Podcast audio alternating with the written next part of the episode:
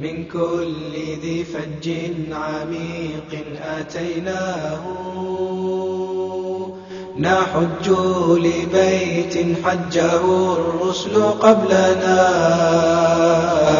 لنشهد نفعا في الكتاب وعدناه. أتيناك لبيناك جئناك ربنا. إليك هربنا والآن ما تركناه. أتيناك لبيناك جئناك ربنا. إليك هربنا والآن ما تركناه. ووجهك نبغي أنت للقلب قبلة. إذا ما حججنا أنت للحج رمناه. وأنت منانا أنت غاية سؤلنا.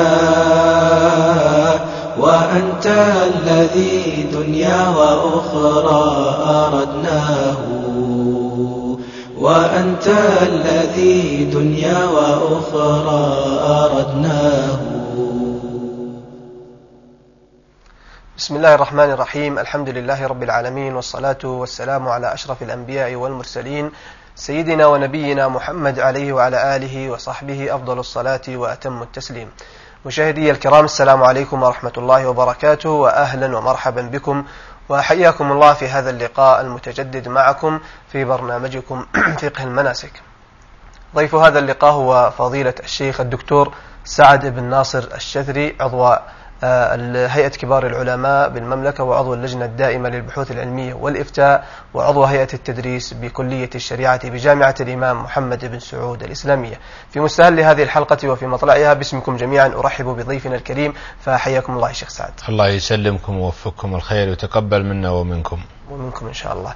الترحيب موصول لكم أيها الأحبة أينما كنتم وحيثما كنتم. أشكر لكم تواصلكم مع هذا البرنامج وأشكر لكم متابعتكم لنا في حلقاته الماضية. وكما هو سنن هذا البرنامج نبدأ بتقرير أعدته أسرة البرنامج ثم نعود إلى موضوع حلقتنا. وهذه الحلقة ستكون بإذن الله عز وجل عن أحكام الأحكام الفقهية المتعلقة بيوم عرفة. تقريرنا هذا ثم عودة إليكم بإذن الله تعالى.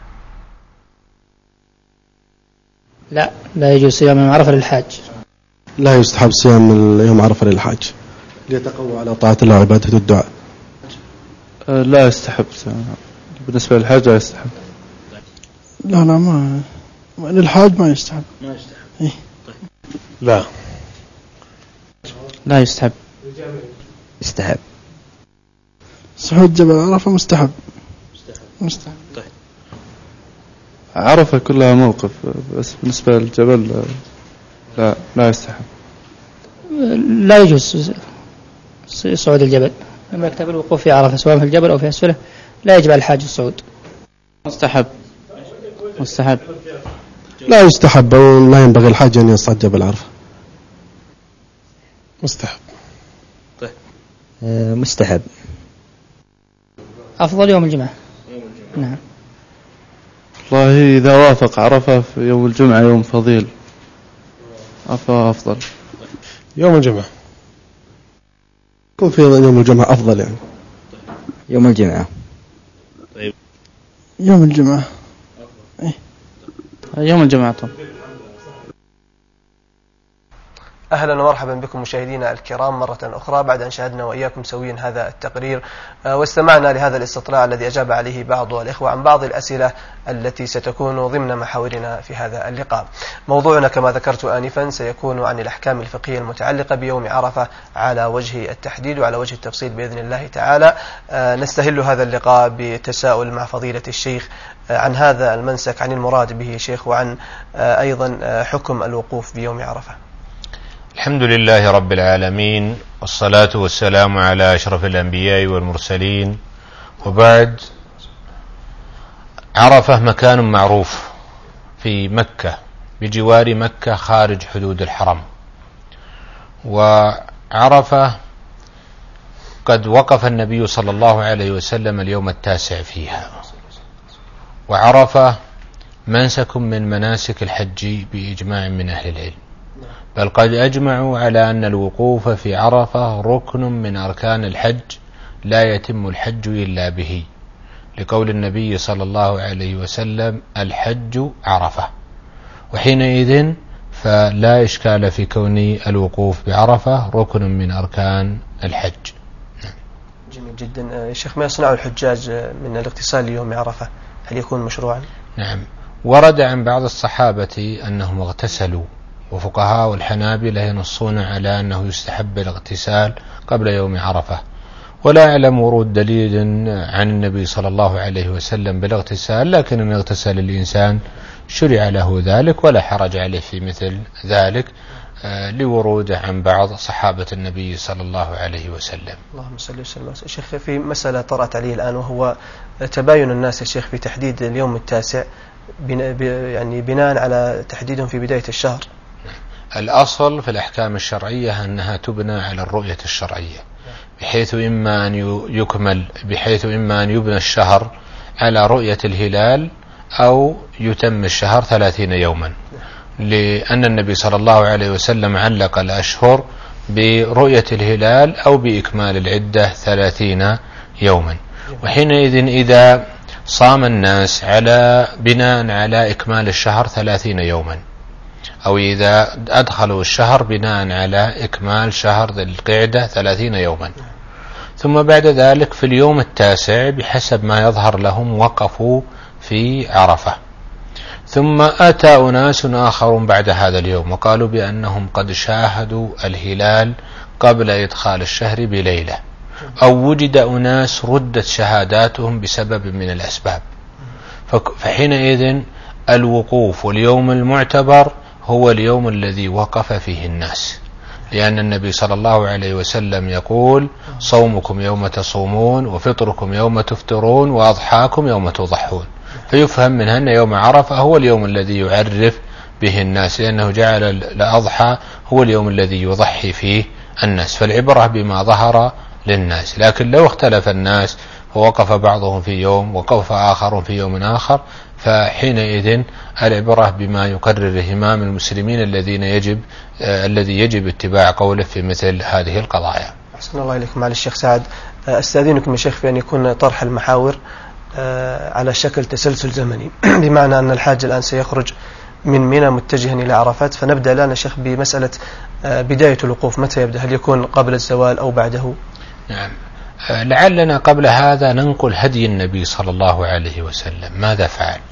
النبي صلى الله عليه وسلم صلى الفجر في منى في يوم التاسع وجلس حتى طلعت الشمس وارتفعت ثم بعد ذلك ذهب حتى جاء في آه، منطقة يقال لها نمرة فوجدهم قد ضربوا له قبة فجلس فيها حتى قبيل زوال الشمس ثم أتى إلى وادي عرنة وهو خارج عرفة على الصحيح من أقوال أهل العلم وخطب فيها خطبة ثم أذن ثم أقام أمر بالأذان فأذن ثم أقيمت الصلاة ثم صلى الظهر والعصر جمعا وقصرا ثم دخل في عرفة على ناقته وعند وجلس عند الصخرات يدعو الله عز وجل مستقبلا القبلة والجبل على يمينه إلى أن غربت الشمس فلما غربت الشمس ذهب إلى مزدلفة ودفع الناس معه.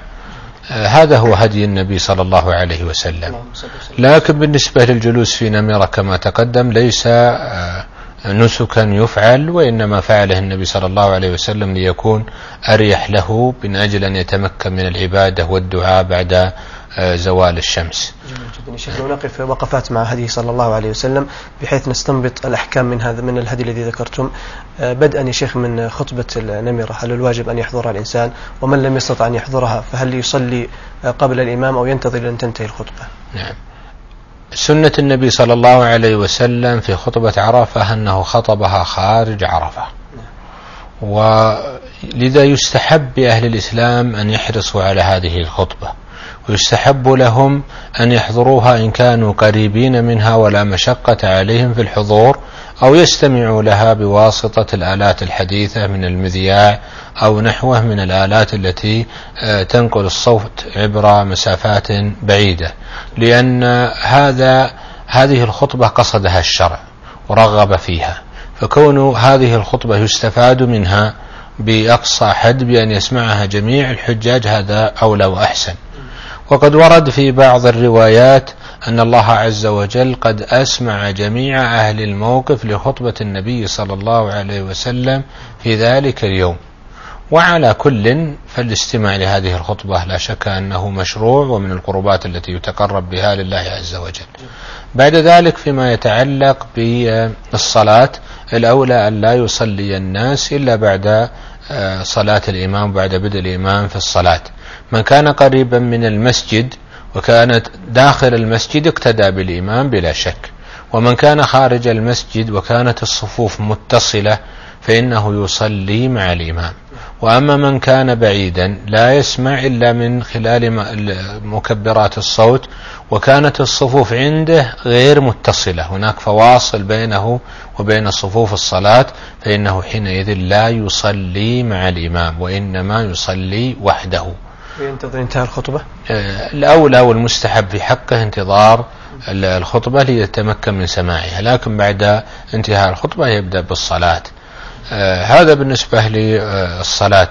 بالنسبة للأذان آه، جاء في حديث جابر أن النبي صلى الله عليه وسلم أذن ثم أقام لكل صلاتين لكل الصلاتين. أقام للعصر للظهر أولا ثم أقام للعصر.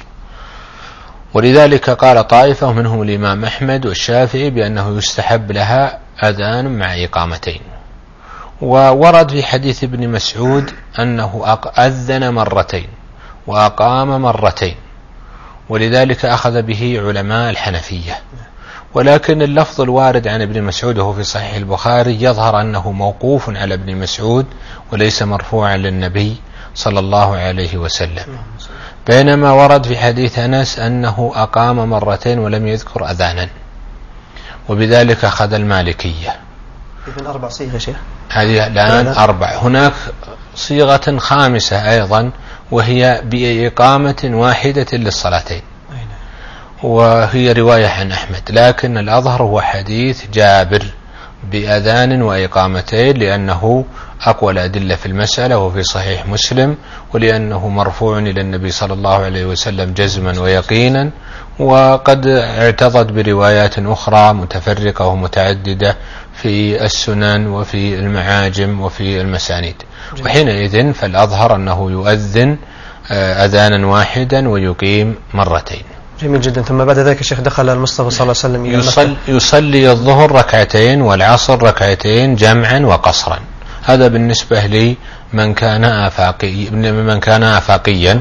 وأما بالنسبة لأهل مكة فهذا مبني على الخلاف في سبب الجمع. هل هو للنسك وبالتالي يجمع أهل مكة ويقصرون أو هو للعمل والشغل وإتمام المناسك كما قال أحمد الأول يقول به مالك كما قال أحمد وحينئذ فيكون حتى أهل مكة يجمعون لكنهم لا يقصرون الصلاة يصلون الظهر أربعا والعصر أربعا كما هو مذهب أحمد. وهناك طائفة يقولون بأن الجمع والقصر هو من أجل السفر. كما هو مذهب الشافعي. وبالتالي فإن أهل مكة عندهم لا يقصرون الصلاة ولا يجمعونها. تقدم الكلام في تقرير هذه المسألة. نحتاج يا شيخ إلى تكرار بعض المسائل نظرا لقطع الحلقات وفصلها. فقد المشاهد يتابع حلقة ولا يتابع حلقة أخرى. يا شيخ هنا تريد مسألة مهمة جدا وهي الدخول قبل الزوال دخول عرفة. نعم. الدخول إلى عرفة قبل الزوال لا إشكال في جوازه. لأن الصحابة في عهد النبوة قد دخلوا إلى عرفة قبل آه، زوال الشمس. هذا بلا إشكال. آه، مع أن الهدي النبوي كما تقدم الدخول بعد الزوال. وعلى كل فكل من الأمرين جائز بلا حرج ولا إشكال.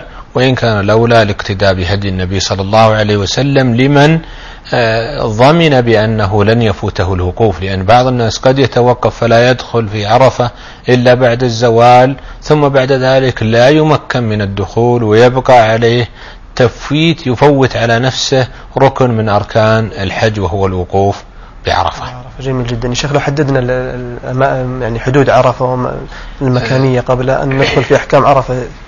حدود عرفة هناك وادي عرنة هذا خارج حدود عرفة. والوادي شكله بين وعلامته واضحة وهذا قول جمهور أهل العلم بأن عرنة خارج عرفة لقول النبي صلى الله عليه وسلم وارفعوا عن بطن عرنة. والإمام مالك يقول بأنه يصح الوقوف فيه لكن من وقف فيه فعليه دم. ولكن الأظهر هو مذهب الجمهور لورود هذا الحديث. وينت ويستمر حد عرفة إلى أن يصل إلى الجبال التي تحد عرفة من الجهة الشمالية والشرقية وهي جبال واضحة وبينة وبارزة. وهناك علامات اعتنت بها الدولة السعودية لوضع لبيان حدود عرفة فكل مسافة مسافة قريبة يوضع علامة كبيرة تبين حدود عرفة دخولا وخروجا وبالتالي العلامات إن شاء الله واضحة وبينة. هنا مسألة متعلقة بالوقوف قبل الزوال. وهو أن من وقف قبل زوال الشمس فخرج من عرفة قبل زوال الشمس هل يصح حجه أو لا يصح؟ الجمهور يقول لا يصح حجه لأن النسك إنما يبتدئ بعد الزوال لكون النبي صلى الله عليه وسلم لم يدخل عرفة إلا بعد الزوال. وذهب علماء الحنابلة إلى أن حج الصحيح ويلزمه دم لكونه خرج قبل غروب الشمس. ويستدلون على ذلك بحديث عروة أن النبي صلى الله عليه وسلم قال له من وقف من صلى من وقف معنا ها هنا وصلى صلاتنا هذه وكان قد وقف في عرفة قبل ذلك ساعة من ليل أو نهار.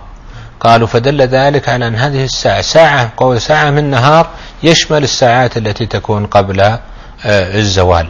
ولذلك لمذهب الحنابلة قوة في هذه المسألة. جميل جدا. بالنسبة يا شيخ لما يتعلق بالوقوف بعرفة هل موقف النبي صلى الله عليه وسلم له خصوصية معينة؟ نعم النبي صلى الله عليه وسلم وقف في هذا المكان بجوار الصخرات وقد استقبل القبلة وقال وقفت ها هنا وعرفة كلها موقف. ونقل إلى النبي صلى الله عليه وسلم أن رجلا كان في أطراف عرفة. فأمرهم بالبقاء في أمكنتهم وقال إنكم على إرث من إرث أبيكم إبراهيم. فدل ذلك على أن الوقوف في أي مكان في عرفة مجزئ. والنبي صلى الله عليه وسلم لم يقصد ذلك المكان لخصوصية فيه وإنما وقفه لكونه جزءا من عرفة. فكل مكان يكون جزءا من عرفة فإنه مشروع الوقوف فيه وليس لذلك المكان أي خاصية. وهنا أيضا مسألة متعلقة بهذا وهي أن بعض الناس يصعد الجبل جبل عرفة ويظن أن لذلك مزية مع أن النبي صلى الله عليه وسلم لم يصعده ولم يصعده ولم يأمر أحدا من صحابته بصعود الجبل. فدل ذلك على أن الصاعد للجبل يقال له أخطأت بصعودك. إلا إذا لم يجد مكانا إلا هذا المكان. وأما أن يصعد الجبل بقصد التقرب لله عز وجل ويظن أن لذلك الجبل خاصية وميزة ليست لغيره نقول هذا مخالف للهدي النبوي. النبي صلى الله عليه وسلم أكمل الخلق ولم يقصد صعود الجبل. ولم يكن ولم يأمر أحدا من أصحابه بصعوده. فدل ذلك على أن الجبل بمثابة بقية أماكن عرفة لا مزية له في هذا. بل بعض الناس قد يجعل هناك اعتقادات يضع نقود أو يضع خرق في الجبل أو يضع يصلي في أمكنة مخصوصة. كل هذا ليس له أثر يا شيخ كل هذه كل هذه الأمور ليس لها سنة عن النبي صلى الله عليه وسلم باتفاق أهل العلم من كافة المذاهب. هنا مسألة أخرى وهي استقبال الجبل في الدعاء. بعض فقهاء بعض الفقهاء المتأخرين ذكروا أنه في حال الدعاء يستقبل الجبل. ويقولون إن هذا التعريف ولكن هذا لم يقل به الأئمة المتقدمون بما فيهم الأئمة الأربعة ولم يفعله النبي صلى الله عليه وسلم لأنه استقبل القبلة وخير الهدي هدي النبي صلى الله عليه وسلم وحينئذ فاعتقاد أن استقبال الجبل في الدعاء أو في غيره له مزية هذا اعتقاد خاطئ مخالف للهدي النبوي. إذا موقف النبي صلى الله عليه وسلم ليس له خاصية معينة عرف كلها موقف. آه، الأدعية يا شيخ والأذكار التي ينبغي للحاج أن يحافظ عليها يوم عرفة. النبي صلى الله عليه وسلم لما دخل عرفة بقي على جمله وراحلته ولم ينزل منه وبدأ يدعو رب العالمين ويكثر من الدعاء ولم يؤثر عنه دعاء بخصوصه. وكان قد أمسك خطام الناقة بإحدى يديه ويدعو باليد آه، الأخرى. وحينئذ فيشتغل الحاج في هذا الموسم الفضيل بدعاء الله عز وجل. وقد ورد أن الله يباهي ملائكته بعباده الذين جاءوا شعثا غبرا. وإذا قرر ذلك فإنه يدعو بما يشاء. ورد في سنن الترمذي أن النبي صلى الله عليه وسلم قال أفضل ما قلت أنا والنبيون قبلي عشية عرفة لا إله إلا الله وحده لا شريك له له الملك وله الحمد وهو على كل شيء قدير لكن في إسناده ضعف. وبعض أهل العلم يرى أن هذا هذا الحديث ورد من طرق متعددة فيقوي بعضها ببعض وعلى كل فلا شك أن التهليل ذكر مشروع وأنه من أفضل الذكر. ورد في السنن من حديث جابر رضي الله عنه أن النبي صلى الله عليه وسلم قال أفضل الذكر لا إله إلا الله. وقد ورد في فضل التهليل آه، نصوص عديدة آه، في الكتاب وفي السنة وحينئذ فالتزام أو الإكثار من التهليل في هذا الموقف لا شك أنه مشروع. أحسن الله إليكم شيخنا. آه، شيخ فيه تساؤل ورد على موقع الأكاديمية من عبر منتدى الحوار العام. إحدى الأخوات تقول كان الرسول صلى الله عليه وسلم يكثر من كلمة التوحيد لا إله إلا الله وحده لا شريك له له الملك وله الحمد على كل شيء قدير يوم عرفة. تقول ويشرع للحاجة التلبية والإكثار منها. فهل يوازن بينهما أم الأفضل الإكثار من التلبية حيث لا وقت لها وهو محرم؟ وبالنسبة لغير الحاج فهل يكثر من كلمة التوحيد أم التكبير؟ نعم بالنسبة للحاج تقدم معنا أنه يدعو وأن هذا هو الفعل النبوي وهذا هو المشروع في حقه. وحينئذ في هذا الموطن التلبية لا تكون إلا عند تغير الأحوال وهو في موطن الدعاء لا يغير أحواله باق على حال واحد. وبالتالي لا يشرع له تكرار التلبية في هذا الموطن وإنما المشروع له أن يكثر من دعاء الله جل وعلا. ويدل على هذا أن النبي صلى الله عليه وسلم كان رافعا يديه ورفع اليدين من المعلوم أنه يكون للدعاء. فدل هذا على أنه كان مستمرا في الدعاء. أما بالنسبة لغير الحاج فالأمر فيه واسع. والحديث الذي ذكرت لك أفضل ما قلت أنا والنبيون قبل عشية عرفة ما قال بأنه للحاج. فإذا صححنا هذا الإسناد هو عام لجميع أفراد الناس في كافة أقطار الأرض. لكن ورد أنه يكبر وأنه يشرع التكبير في هذه الأيام لأنه يشرع التكبير في أيام العشر عشر ذي الحجة ويشرع التكبير في من يوم عرفة تكبيرا مقيدا بعد الصلوات وتكبيرا موسعا في سائر الأوقات. وحينئذ فيشرع للإنسان أن يكبر في ذهابه في إيابه في جلوسه عندما تتغير به الأحوال. وأما التهليل فهو مستمر فيما سوى ذلك. وحينئذ فينبغي التنبيه والتذكير بأهمية ذكر الله عز وجل سواء في هذه الأيام الفاضلة أو في غيرها. النبي صلى الله عليه وسلم يقول ألا أخبركم بخير أعمالكم وأزكاها عند مليككم وخير لكم من من إنفاق الذهب والورق وخير لكم من أن تلقوا عدوكم فتقاتلونهم ويقاتلونكم. قالوا بلى يا رسول الله. قال ذكر الله. ويقول صلى الله عليه وسلم فيما رواه مسلم في صحيحه سبق المفردون قالوا ما المفردون يا رسول الله؟ قال الذاكرون الله كثيرا والذاكرات. نعم. جميل جدا؟ يا شيخ نصل الآن الحاج يبقى في عرفة يذكر الله عز وجل ويهلل ويدعو إلى الغروب. هل يجب عليه هنا ترد عدة مسائل؟ هل يجب عليه أن يدرك جزءا من الليل ولو أتى بعد الغروب يا شيخ؟ فما حكمه؟ نعم هنا مسألة قبل هذا وهي ما لو خرج الحاج قبل الغروب, قبل الغروب ثم عاد إليها. نعم. عند الشافعية يقولون الوقوف إلى الغروب سنة وليس بعض الشافعية وليس بواجب وبالتالي يقولون لا شيء عليه. عند الحنفية يقولون بأنه إذا خرج لزم في حقه الدم. قبل الغروب الشمس. فلو عاد بعد ذلك فإنه لا يرتفع الدم من ذمته ويبقى الدم ولو عاد ولو عاد حتى الليل. وعند مالك وأحمد يقولون عليه دم. يقولون سقط الدم من حقه يقولون سقط الدم بالنسبة له. فالشافعي يقول لا شيء عليه ولأنه لأن عنده بعض متأخر الشافعية قالوا لا شيء عليه لأن عندهم الوقوف إلى الغروب ليس بواجب. وعند مالك وأحمد الوقوف إلى الغروب واجب أو ركن. وحينئذ فمن عاد قبل الغروب وجلس إلى الغروب قالوا لا شيء عليه. وعند أبي حنيفة أن من خرج قبل غروب الشمس ثم عاد إليها فقد استقر الدم في ذمته وبالتالي لا يسقط الدم منه. والصواب هو قول الجمهور بعدم وجوب الدم عليه لأنه قد أدرك جزءا من الليل. آه، ولا يشترط فيه أن يكون جميع الوقت من الزوال إلى الغروب موجودا لأن النبي صلى الله عليه وسلم لم يدخل إلا بعد آه، زوال الشمس. إذا تكرر هذا فما حكم البقاء إلى جزء من الليل مثل ما ذكرت؟ من خرج قبل غروب الشمس فعند بعض الشافعية بأنه لا شيء عليه لأن البقاء إلى غروب الشمس لا يكون مؤثرا على حج الإنسان بل هو سنة مستحبة. بل البقاء في عرفة إلى غروب الشمس سنة مستحبة. وعند الإمام مالك أن البقاء إلى غروب الشمس ركن من أركان الحج يفسد الحج به. يفسد الحج به. والحنابلة والحنفية يرون بأنه واجب فمن خرج قبل الغروب وجب عليه دم حجه صحيح. هذه ثلاثة أقوال في المسألة. ما هي أدلة كل منهم؟ المالكية يستدلون بقول النبي صلى الله عليه وسلم الحج عرفة. قالوا وقول عرفة يشمل آه، الوقوف فيها حتى الغروب.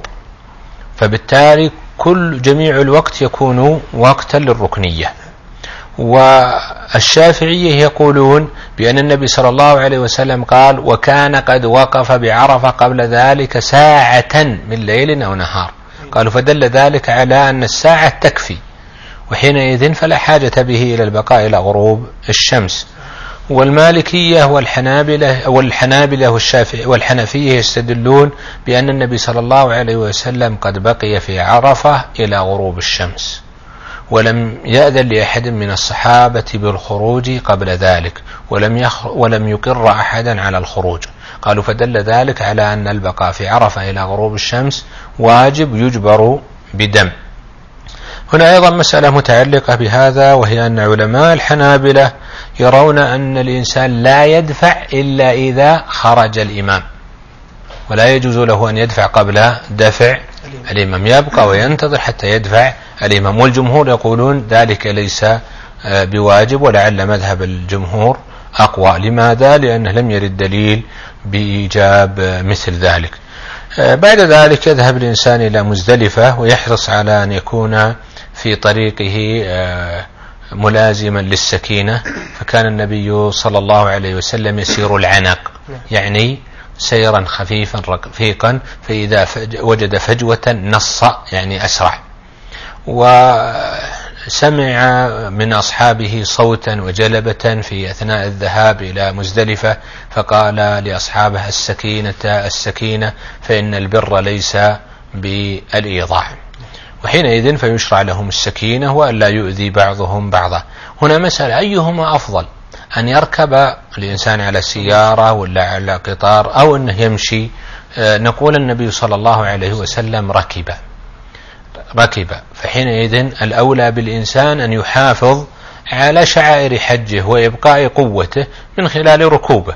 لكن كون المركوب جمل أو غير جمل هذا ليس مقصودا للنبي صلى الله عليه وسلم وإنما المقصود الركوب لأنه أحفظ لبدن الحاج. وبالتالي فإن الأفضل الركوب بأي وسيلة تتيسر للإنسان. لكن لو قدر أن الإنسان أسهل له أن يترك الركوب وأن يمشي هذا أسهل له وأيسر له. فيقال حينئذ الأفضل في حقه أن يفعل ما هو أيسر له بأن يمشي بين المشاهد. لكن المشي ليس مقصودا لذاته وإنما قصد في هذه الحالة لكونه أسهل وأيسر آه، له. وينصح بطريق معين يا شيخ في هذه الحالة؟ نعم تقدم معنا أنه لا, ي... لا الطرق كلها متساوية وأن الطريق التي سلكها النبي صلى الله عليه وسلم لم يسلكها لذاته وإنما قصدها آه، وإنما قصدها لكونها أسهل لطريقه. جميل جدا. أيضا الشيخ أشرنا إلى ضرورة أنه يكون ملبيا بين المناسك عندما يتنقل. نعم. النبي صلى الله عليه وسلم كان يلبي بين المناسك عند الانتقال وكان صحابته منهم الملبي ومنهم المكبر ولم يعب أحد منهم على الآخر.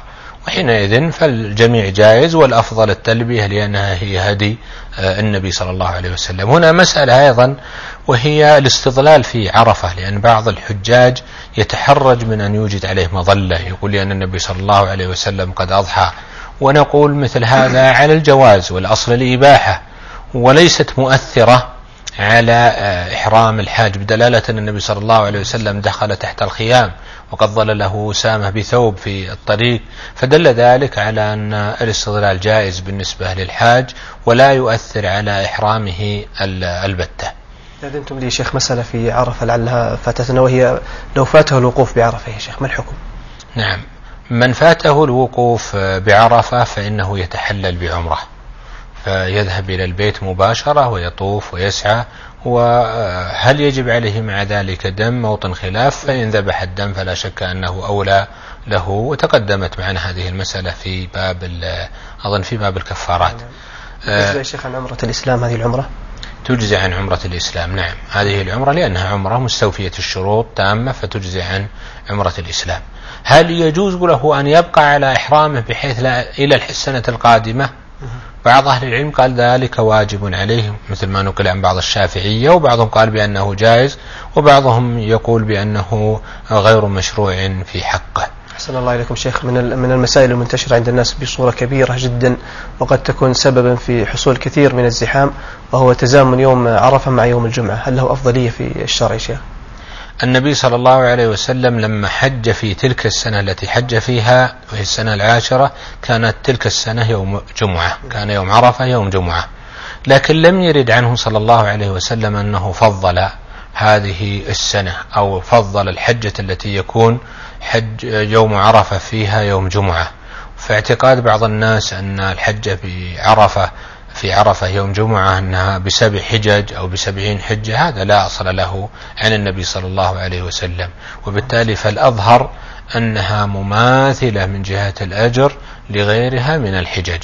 لكن قد يقال بأن الدعاء في عرفة في ذلك اليوم يوافق أن يكون في آخر ساعة من ساعات الجمعة. وقد ورد في الحديث أن في يوم الجمعة ساعة لا يوافقها مسلم وهو قائم يصلي يدعو الله شيئا من أمر الدنيا والآخرة إلا استجيب له. وقد اختلف أهل العلم في تحديد هذه الساعة وكثير من أهل العلم يرى أنها في آخر ساعة من يوم الجمعة وعلى كل قد يكون موافقا لهذا المقدار من ساعة الإجابة. أما أن للحجة في نفسها مزية فهذا لم يثبت فيه دليل عن النبي صلى الله عليه وسلم. أحسن الله إليكم شيخ سعد أستاذنكم في سماع هذه الاتصالات ثم آه، نسمع منكم الإجابة جزاكم الله خيرا يا شيخ إلى أي وقت إلى أي وقت يكون الوقوف بعرفة؟ يعني إلى أي إلى أي ساعة تقريبا يعني الوقوف بعرفة؟ جزاكم الله خير يا شيخ. هل اشترط في الوقوف في النية أو الطهارة؟ شكرا. آه، سؤالي عن البيع والشراء والحديث نلاحظ كثير من الناس يعني يكثرون من الكلام والسواليف في هذا اليوم. فما الحكم في سواليف يعني يوم عرفة في مثل هذا اليوم. والله سؤال يا شيخ عن صيام يوم عرفة للحاج ولغيره. يا شيخ عندي يا شيخ سؤال التعريف التعريف بغير عرفة. التعريف. إي نعم التعريف بغير عرفة يا شيخ. جزاكم الله خير. آه، شكرا للإخوان المتصلين الذين أسهموا معنا في هذه الحلقة بهذه المداخلات وجزاكم الله خيرا. آه، الشيخ سعد كما سمع معاليكم المتصل الأول آه، كان يقول يا شيخ يتساءل عن نهاية الوقوف بعرفة. نعم بالنسبة لوقت الوجوب وقت عرفة ينتهي وقت الوجوب به بغروب الشمس. فإذا وقف جزءا من الليل يكون قد وقف أو أتم الواجب. نعم. لكن إلى أي وقت يستمر؟ إلى إلى طلوع الفجر من يوم عيد النحر. فلو قدر أن إنسانا لم يصل إلى عرفة إلا قبيل أذان الفجر فإنه يكون حينئذ قد أدى ركن الحج. لأن النبي صلى الله عليه وسلم لما جاءه عروة وقد قال إني قد أتعبت ناقتي وأكللت نفسي وما تركت جبلا من جبال عرفة إلا وقفت فيه وهو لم يصل إلى عرفة إلا بليل. فقال النبي صلى الله عليه وسلم من شهد معنا صلاتنا هذه وكان قد وقف بعرفة قبل ذلك ساعة من ليل أو نهار فقد تم حجه. فدل ذلك على أن الحج يستمر إلى طلوع آه، الفجر. جميل جدا. بناء على هذا القول يا شيخ أن لو وقف بالليل أنه يجزي هل تصح عبارة بعض المصنفين أنه يجب الجمع بين الليل والنهار؟ هو الصحواب أن يقال الواجب الوقوف جزءا من الليل. وأما كلمة الجمع بين الليل والنهار هذه ليست مرادة للفقهاء الأوائل. فقول بعض الفقهاء بأنه لا بد من الجمع بينهما فيه نظر لأن الوجوب الذي يتحقق به آه، الواجب هو الوقوف لحظة من الليل. المتصل الآخر يا شيخ أشار إلى بعض الأمور يعني أشكلت هل تشترط في الوقوف بعرفة أو لا؟ وحدد النية والطهارة. نعم النية غير مشترطة في الوقوف. فلو قدر أن إنسانا آه، دخل عرفة وهو لا يعلم ثم خرج منها فإنه يعد قد وقف بها لأن النبي صلى الله عليه وسلم لم يشترط نية لذلك. وكذلك لو قدر أن إنسانا نام قبل الدخول في عرفة نام في السيارة. واستمر نومه حتى خرجوا من عرفة فإن وقوفه أيضا صحيح مجزئ. كذلك بالنسبة لي آه، لو قدر أن هناك صغير غير مميز وقف مع أصحابه وهو غير ناوي الوقوف أجزاءه هذا الوقوف. أيضا هو اشترط تكلم عن الطهارة. نعم. اشتراط الطهارة ليست مشترطة للوقوف. في عرفة فلو قدر أنه وقف فيها وهو آه، غير متوضأ بل وهو محدث حدثا أكبر صح صح وقوفه ولا حرج عليه في ذلك لأن النبي صلى الله عليه وسلم قال في الحائض بأنها تقضي المناسك كلها غير الطواف بالبيت ومن تلك المناسك الوقوف آه، بعرفة. أحسن الله إليكم. آه، المتصل الثالث يا شيخ كان يقول أن بعض الناس قد يقضي الوقت في بيع وشراء وتحدث وكذا. فيقول ما نصيحتكم لهم يا شيخ؟ المستحب في مثل هذه المواقف الإكثار من ذكر الله عز وجل. والدعاء موقف فاضل. آه، يشتاق له المسلمون من كل مكان. ويباهي رب العالمين ملائكته بعباده المؤمنين. وهو موطن ترجى فيه الإجابة. وموطن يكون سببا لمغفرة الذنوب. فلا ينبغي أن يفرط فيه الإنسان.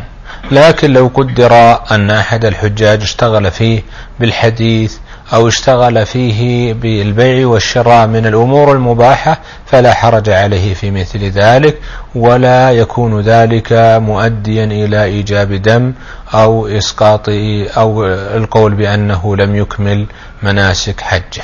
نعم. أيضا يا شيخ المتصل الآخر يسأل عن صيام يوم الغد وهو يوم عرفة. ولعل هذا من بركات تقديم الكلام عن يوم عرفة في هذا اليوم أن كما ذكرت في بداية الحلقة أن ترد مثل هذه المسائل. فيتساءل يا شيخ عن الصيام سواء للحاج أو لغيره. نعم بالنسبة للحاج المشروع في حقه توفير قوته لدعاء الله عز وجل والتضرع بين يديه والاستكانة لأن النبي صلى الله عليه وسلم لما وقف في عرفة وقف مفطرا. قالت أم عطية تمارى الناس في صوم النبي صلى الله عليه وسلم بعرفة فأرسلت له بإناء فيه لبن فشربه وهو واقف على بعيره. فدل ذلك على أن الأفضل في حق الحاج أن يفطر في هذا اليوم. أما بالنسبة لغير الحجاج فإن المشروع في حقهم أن يصوموا هذا اليوم لأنه يوم فاضل. جاء في حديث أبي قتادة في صحيح مسلم أن النبي صلى الله عليه وسلم سئل عن صوم يوم عرفة فقال يكفر سنتين سنة ماضية وسنة آتية والمراد بذلك تكفير صغائر الذنوب على الصحيح وأما الكبائر فلا بد فيها من التوبة لأن مطلق هذا الحديث يقيد بالأحاديث المقيدة الأخرى التي تدل على أن التكفير خاص بصغائر الذنوب كما في حديث الصلاة إلى الصلاة والعمرة إلى العمرة كفارة لما بينهما إذا اجتنبت الكبائر. جميل جدا. أحسن الله إليكم شيخنا. آه لعل من المناسبة شيخ أن أدرج في هذا السؤال سؤال من على الموقع لإحدى الأخوات. تقول يا شيخ من كان في مكة وانتهى من أعمال العمرة وأراد أن يصوم آه من اليوم الأول لليوم السابع من ذي الحجة فهل الأفضل في حقه في هذه الحالة الصوم أو الفطر؟ نعم بالنسبة لغير الحجاج وغير الآتين إلى مكة يشرع لهم صيام الأيام العشر كاملة لأن النبي صلى الله عليه وسلم قال ما من أيام العمل الصالح فيها خير وأحب إلى الله من هذه العشر يعني عشر ذي الحجة كما رواه الشيخ كما رواه في الصحيح من حديث كما روي في الصحيح من حديث ابن عباس رضي الله عنهما. وحينئذ فيشرع لهم صومه. ويدل على هذا ما ورد في السنن من الترغيب في صيام عشر آه، ذي الحجة. وأما بالنسبة للحاج فإن النبي صلى الله عليه وسلم لما قدم لم يصم هذه الأيام. وباعتبار كونه مسافرا. وحينئذ فكون الحاج يحافظ على قوته ولا يفرط فيها من خلال عدم تناول الأكل لا شك أنه أولى ليتمكن من أداء مناسك الحج الذي هو ركن من أركان الإسلام على خير وجه. أحسن الله إليكم شيخنا المتصل الأخير لعلي أختم بسؤاله يا شيخ آه، يتساءل يا شيخ عن التعريف بغير عرفة. نعم هناك بعض الناس في البلدان الأخرى في غير عرفة إذا جاء يوم عرفة جلسوا واجتمعوا في مكان واحد إما في الجامع الكبير عندهم أو في مسجد من المساجد الكبيرة أو المحافل الكبيرة فيعرفون بمعنى أنهم يفعلون فعلا مشابها لفعل الحجاج في عرفة. مثل هذا الفعل لم يفعله رسول الله صلى الله عليه وسلم في السنة التاسعة ولم يفعله أبو بكر ولا عمر ولا عثمان ولا علي ولا صحابة رسول الله صلى الله عليه وسلم ولا التابعون لهم بإحسان. ولم يستحدث مثل ذلك إلا بعد ذلك الزمان. فكاننا نقتدي بأولئك الأفاضل الذين أمرنا بالاقتداء بهم. نقتدي برسول الله صلى الله عليه وسلم الذي يقول فيه رب العالمين لقد كان لكم في رسول الله أسوة حسنة. ونقتدي بصحابة رسول الله صلى الله عليه وسلم الذين يقول رب العالمين فيهم والسابقون الأولون من المهاجرين والأنصار والذين اتبعوهم بإحسان رضي الله عنهم ورضوا عنه لا شك أنه أولى وأفضل. أحسن الله إليكم شيخ سعد لعلي أختم بهذه الإجابة الموفقة. فجزاكم الله خيرا على ما أبديتم في هذه الحلقة وعلى ما بينتم. باسمي وباسم جميع المشاهدين أشكركم شيخ سعد. نسأل الله عز وجل من الجميع القبول ونسأله سبحانه أن يتقبل منا صيامنا وقيامنا وحجنا وسائر أعمالنا كما نسأله سبحانه أن ييسر الأعمال الصالحة للمسلمين في يوم الغد اليوم المبارك يوم عرفة كما نسأله جل وعلا أن ييسر للحجاج حجهم وأن يتقبل منهم دعاءهم الصالح. هذا والله أعلم. وصلى الله على نبينا محمد. اللهم صل وسلم وبارك على محمد. مشاهدي الكرام بهذا أصل وإياكم إلى نهاية هذا اللقاء. يتجدد اللقاء بكم آه، بعد الغد بإذن الله تعالى. إلى ذلكم الحين ابقوا في حفظ الله ورعايته. أستودعكم الله والسلام عليكم ورحمة الله وبركاته. رجالا ركبانا على كل ضامر. من كل ذي فج عميق أتيناه. نحج لبيت حجه الرسل قبلنا لنشهد نفعا في الكتاب أعدناه. أتيناك لبيناك جئناك ربنا.